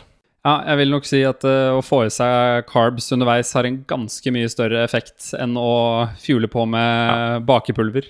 Får man heller Ja. bruke litt ekstra bakepulver i baksten ellers. Ja, jeg tror det, altså. Jeg tror jeg skulle ha eh, det, Jeg får gjøre det på det siste rennet jeg trener. Så skal jeg anbefale bakepulver eh, på, på, på drikkebeltet på siste, siste rennet. Nå snakker vi jo bikarbonat veldig ned her akkurat nå, da, og det er jo eh, Det er klart, har du toleranse for det, og man treffer fint på dosen sånn, så, så kan det jo ha en effekt. Det har vist at det har positive effekter. Ja. På buffer, eh, intramuskulær bufferkapasitet, og, og da også på, i utstrekningen av på prestasjon. Mm. Um, men eh, jeg husker i hvert fall når vi hadde idrettsernæring på NIH, så fikk vi vel servert en historie om Jeg vet ikke om det var skøyteløpet i Vikingskipet eller hvor det var, men det, det var i hvert fall noe med en som skulle gå i hvit skøytedrakt, og så når startskuddet smalt, så smalt det på en måte i bakenden nå, så da ble det litt eh, det ble, Det mulig, det ble et pinlig løp. Det er mulig jeg har hørt den historien fra min svigerfar også, som er eks-olympisk eh, deltaker i, i skøyter. Oksen. Han, eh, Oksholm var eh, en av de som var med i en av de tidligere bikarbonatstudiene som var på NIH på Olympiatoppen. da. Så han har Ja. hatt sine, sine eksplosjoner med det, han òg, tror jeg. Ja, han har førstehånds erfaring. Rett og slett. ja, du får få de gode historiene om bikarbonat fra, fra svigerfar. Yes. Jeg er jo veldig glad i å lage mat. Eh, Det siste eh, ja, jeg vil si året så har jeg begynt å bruke litt mer rødbeter i matlaginga mi. Eh, og jeg husker jo på at for noen år siden, også i langrenn, så var det med eh, rødbetjuice eh, litt i vinden. Eh, altså det, du, det var ikke noe vits å trene hvis du ikke eh, fikk i deg x antall liter med rødbetjuice, eh, konsentrert rødbetjuice i løpet av en dag. Eh, og da er, vi jo, da er vi jo med en gang over på nitrat. Og hvordan kan det da påvirke en prestasjon? Ja, nei, altså det er som du sier, det er nitratet her som uh, gir denne effekten, Uh, mer enn at det er uh, Altså rødbet er en veldig god kilde til nitrat. Og det nitrat gjør, er at det kan også da påvirke, påvirke konsentrasjonen av nitrogenoksid og gjøre at du får eh, oksygen som blir mer tilgjengelig, og kan eh, også da fungere akutt i likhet med koffein. eh, hvis det inntas i f.eks. to til to og en halv times tid før man skal gjennomføre et eh, event. da. Og det som er litt interessant, er at man har jo da en del mål som også viser at du faktisk får en liten økning i maksimalt oksygenopptak etter inntak av eh, nitrat. Det er noen eh, studier som har funnet det etter å ha inntatt av 400 mg nitrat på personer som fra før har veldig høyt eh, oksygenopptak. Og da har man sett det både ved å innta det 2-2,5 timer før, men også eh, i, en, i en annen studie med tre dager løpende inntak før man skal gjennomføre en konkurranse. Da. Så det virker som om det, det kan eh, eh, at det kan, det kan, være noe som potensielt kan ha en nytte for ganske stort spekter av utholdenhetsaktivitet, da, med tanke på at uh, oksygenopptaket er rimelig relevant for uh, mye utholdenhetsprestasjon, selv om ikke oksygenopptaket er hele bildet i det hele tatt. Nei, men det er ganske mye av det, faktisk, eh, ofte. Og jeg tenker sånn, hvis du kan drikke deg til litt eh, høyere oksygenopptak, ja takk. Eh, er det noen, eh, er det noen eh, ulemper ved å skulle innta rødbetjuice, eller så mye nitrat som man da bør for å eventuelt få en økning på VO2 Nei, jeg har ikke inntrykk av at det er noen eh, Jeg, er ikke kjent med at det er noen veldig typiske bivirkninger knyttet uh, til det. Det er helt sikkert mulig å få det avhengig av hva slags kilde man bruker. da. Og som jeg nevnte i stad, så er jo mm. dette her også noe du veldig fint kan få i deg mye av gjennom kostholdet. Så dette her er definitivt et av tilskuddene som Eh, påvirkes av hvor mye nitrat du får i deg gjennom eh, hvor mye planter og frukt du får i deg i ditt daglige kosthold. Eh, det var en studie på nederlandske eliteutøvere som viste at de fikk to tredjedeler omtrent av sitt daglige nitratinntak via grønne grønnsaker og frukt. Og da snakker man om sånn som spinat, ruccola, isbergsalat osv. Men uh, som jeg var litt inne på mm. tidligere, så er det sånn at hvis du skal få disse 400 milligrammene med nitrat, da, så må du få i deg ca. 400 gram uh, ruccola eller spinat. Og det er ekstremt mye, mye. ruccola og spinat hvis du kjøper eh, nok pakker til å, å, få 400 gram. Så det er nok litt enklere med denne rødbetjuicen. Og nå får du også kjøpt sånne shots som uh, ikke er særlig store, store størrelsen, bare 200 milliliter eller noe sånt som er eh, mer høykonsentrerte, da. Men de smaker jo desto mer grusomt uh, også, vil jeg si. Ja, kanskje vi kan kalle det en ulempe, da, eventuelt ja. smak. Fordi for meg så virker det som om det nesten ikke er noen Det er nesten ingen grunner til å ikke eh, drikke konsentrert rødbetjus, da. Hvis det er sunt skal det være, og det kan både gi, altså, og det kan gi prestasjonsfremmende ja, og Det er jo noen andre interessante effekter utover det vi har nevnt nå også. For det er noen uh, indikasjoner på at det kan uh, redusere opplevd anstrengelse, det man kaller RPE. Man har i hvert fall gjort uh, sånne um, tester på det i tid til utmattelse-tester i både løp og sykkel, hvor man har sett at grupper som inntar inntar eh, nitrat, har en ganske vesentlig eh, redusert eh, tid til utmattelse og opplevd anstrengelse. Så det er jo en litt spennende effekt, som også på en måte er litt, litt samme effekten som kanskje koffein gir, da. Mm, veldig. Altså, nå kommer sikkert uh, samtlige lyttere her til å løpe rett ut og kjøpe rødbetjuice, da. Men, uh, uh, men, det er jo veldig spennende, spennende forskning, og så er det jo relativt nytt sammenlignet med f.eks. koffein, da, som er jo et substrat som går langt tilbake ja. i historien. Så det kan jo være at Eh, jeg vet ikke om, om, du har noe mer oversikt over det, Martin, men om det er noen forskjeller i effekt ut ifra Altså at man får større effekt hvis man er eh, mindre trent eller bedre trent. F.eks. på B-tallene så får man be litt bedre effekt hvis man er veldig godt ja. trent. Ja, jeg har, nå, nå er det, må jeg ta forbehold om at jeg tar feil, men jeg har lest en sånn editorial om det der, eh, hvor jeg mener en norsk forsker som heter Kristin Jonvik, som er kanskje den som kan mest om nitrat i Norge, Uh, hun tok doktor doktorgraden sin på det på Ja, jeg har uh, Faktisk Ja, navnet hennes på boka. Hun burde dere definitivt snakke med om Mm. nitrat. Um, men eh, hvis jeg ikke husker feil, så er det sånn at eh, det virker som at nitrat har en eh, litt dårligere effekt jo bedre trent du er. Men jeg kan, ta, jeg kan ta feil, jeg er litt Mm. usikker på om jeg husker det Mm. riktig. Men jeg mener det var det de kom frem til uh, i det budskapet der. Men uh, det er jo også, vil jeg si, en del litteratur som ser prestasjonsfremmende effekter på folk som har et ganske bra oksygenopptak og er på et ganske høyt treningsnivå, altså. I ganske stort spekter Mhm. av eh, idretter. Men det har jo vært eh, her også en del intervallbaserte idretter man har undersøkt. Og så har det vært eh, ulike mål på f.eks. nitrat og 10 km prestasjon i løp. Eh, det har vært en del på, på vannpolo, på fotball, vet jeg. Så det er et ganske stort spekter av idretter man har undersøkt, men med, med veldig miksa Ja. resultater. da. Men jeg har vel som helhet inntrykk Mm. av at det er noe som kan være verdt å, å bruke, men eh, spiser du fryktelig mye frukt og grønnsaker, så er det jo ikke sikkert at du får noen additiv effekt av å ta det som eh, tilskudd. da. Nei, ikke sant. Det er jo det som vi startet med i innledningen, at kosthold faktisk har betydning for effekten av Ja, et kosttilskudd. du, du kan jo Vi safe får med å se spise om bra. eh, doktor Jonvik vil Kanskje doktor Jonvik vil grave litt mer i nitrat med oss senere. Men ja, du, kan, eh, du kommer ganske langt med å spise bra, da, til tross for alle disse effektene som vi nå har Ja. vært igjennom. Jeg så, eh, bare for å nevne det, at uh, Gustav Iden, som er en av Norges beste triatleter, som uh, vant uh, en konkurranse i Florida nå i helgen Jeg mener jeg så en video av han tok en sånn uh, rødbetjuice-shot uh, like før, uh, eller en time før, eller noe sånt, han skulle starte. Så det er mulig de, eh, de 50 Da sekundene han vant med der, eh, potensielt eh, har eh, noe av eh, at nitrat har noe av æren der. Det nærmer seg jo slutten på en ekstremt informativ og bra podkast.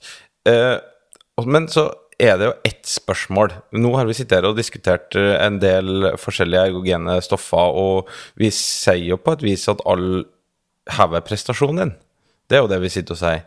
Men eh, jeg er jo veldig praktisk anlagt av meg. Eh, så sitter jeg igjen med 10 000 kroner-spørsmålet.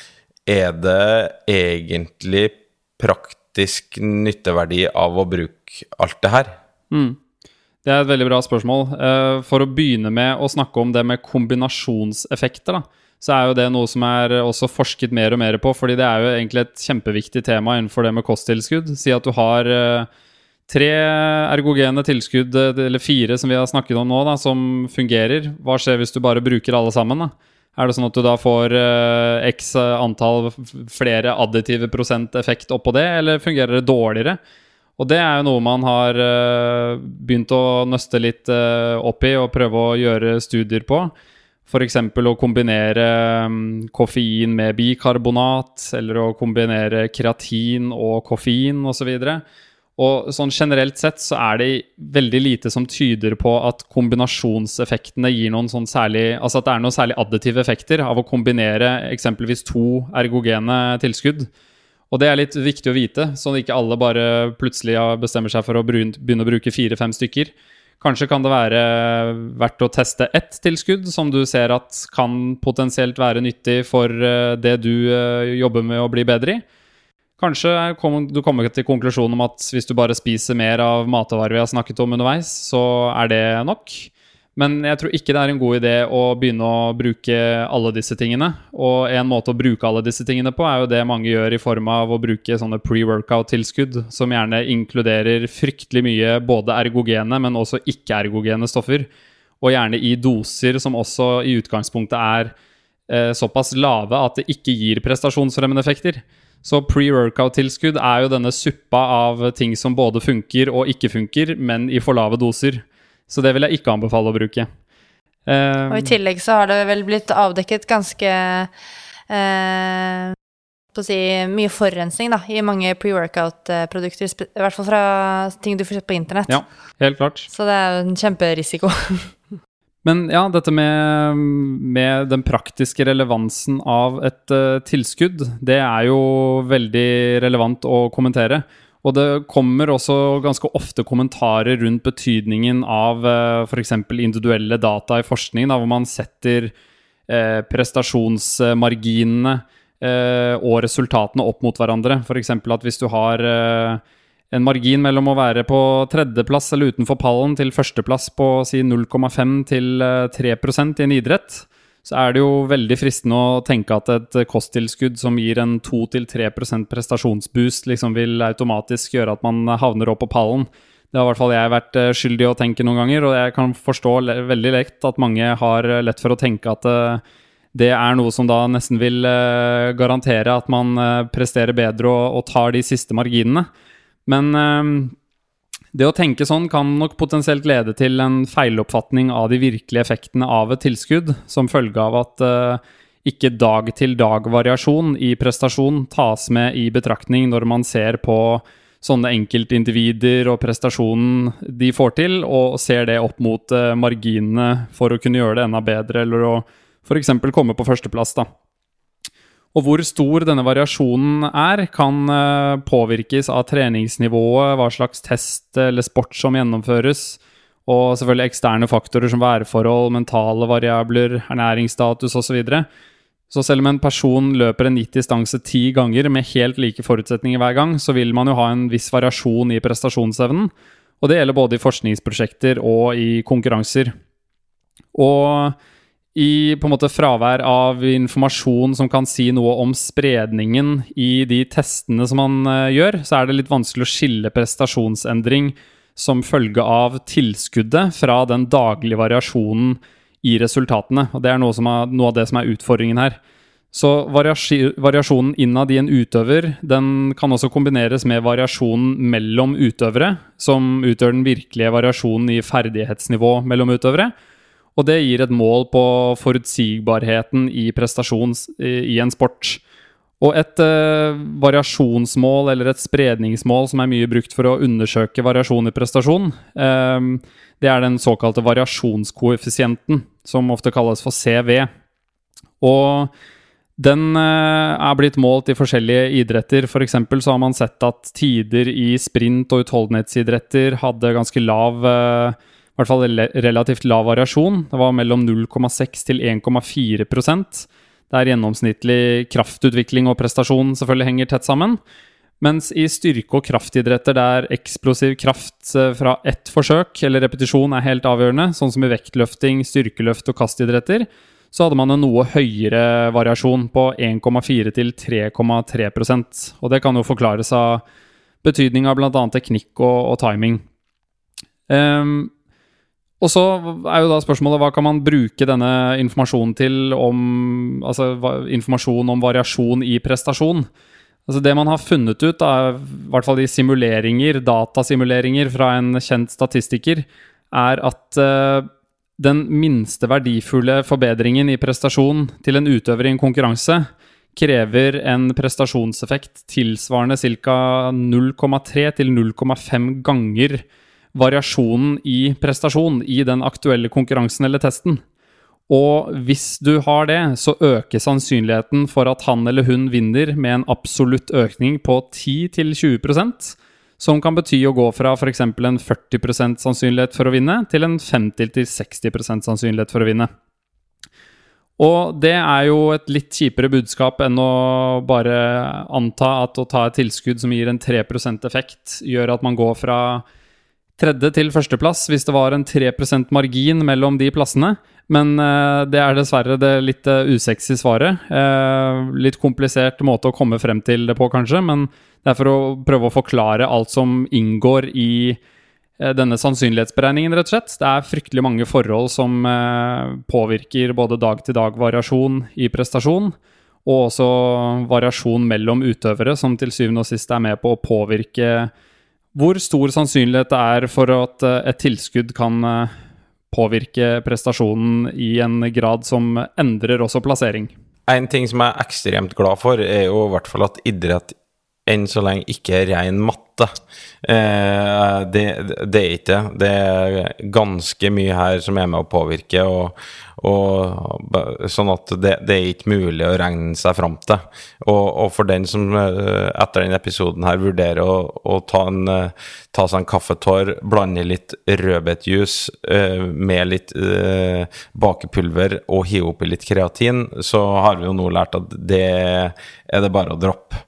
For at høyst sannsynlig så du, får du ikke noe ekstra effekt av det. Du blir kanskje bare litt ekstra dårlig i magen av det, tror jeg. Ja, og jeg vil eh, også avslutte med at uh, det er nok smart å begrense bruk av sånne akutte prestasjonsboostere til når du virkelig kanskje trenger et S i ermet. Og så er det sånn at hvis du driver med konkurranse, så vil du jo bli fryktelig gira også av å konkurrere. Og hvorvidt du da får den samme prestasjonsfremmende effekten når du er i et miljø hvor du er kjempegira, og hvor forholdene er litt annerledes under vanlig trening, hvor du kanskje i større grad subjektivt føler behovet for den boosten. Kan godt hende at utfallet av å bruke tilskuddet da også er litt lavere, faktisk, i konkurransesituasjonen enn ellers. Men det blir jo å spekulere. Veldig kloke avslutningsord der fra deg, Martin. Eh, vi må jo få takke deg for en fantastisk lærerik eh, episode. Jeg har eh, for min egen del har lært utrolig mye som jeg ikke visste fra før. Ja, det har jeg også. Og eh, du kan få høre Martin prate enda mer og lære enda mer fra Martin hvis dere f.eks. Eh, titter innom Jeg kaller det Vennskapspodkasten. Eh, sterkere podkast som eh, Martin driver sammen med Benjamin Christensen. Og hvis man i tillegg vil eh, følge deg, da, Martin, eller kanskje til og med ta eh, kontakt, hvor er det vi kan finne deg? Ja, først og fremst takk for hyggelige ord, og veldig hyggelig å få være med. Og kult at vi er eh, Vi er jo ikke så mange podkaster i den sjangeren her som på en måte snakker litt mer faglig om trening og ernæring, så det er kult at vi kan eh, samarbeide litt. Uh, men ja, jeg er litt mindre aktiv på sosiale medier enn jeg var før, kanskje. Men jeg deler nå i hvert fall litt på Instagram-profilen min, som heter Martin Norum. Og så ellers så er det vel podkasten som gjelder, da. Det er vel stort sett de mhm. stedene jeg er eh, aktiv. Og så har du jo også en nettside som vi kan linke til, og så kan vi også, for dere som er interessert, linke opp um, studiene som Martin og Linn Kristin Risvang har gjort sammen, så dere kan få titte nærmere på de dere som syns det hørtes spennende ut. Og ellers, takk for uh, følget. Så høres vi plutselig an, og så må du jo ikke glemme å gå inn på prestasjonsprat og følge oss heller. Yes. Følg oss på prestasjonsprat. Hei og hå. Ha det.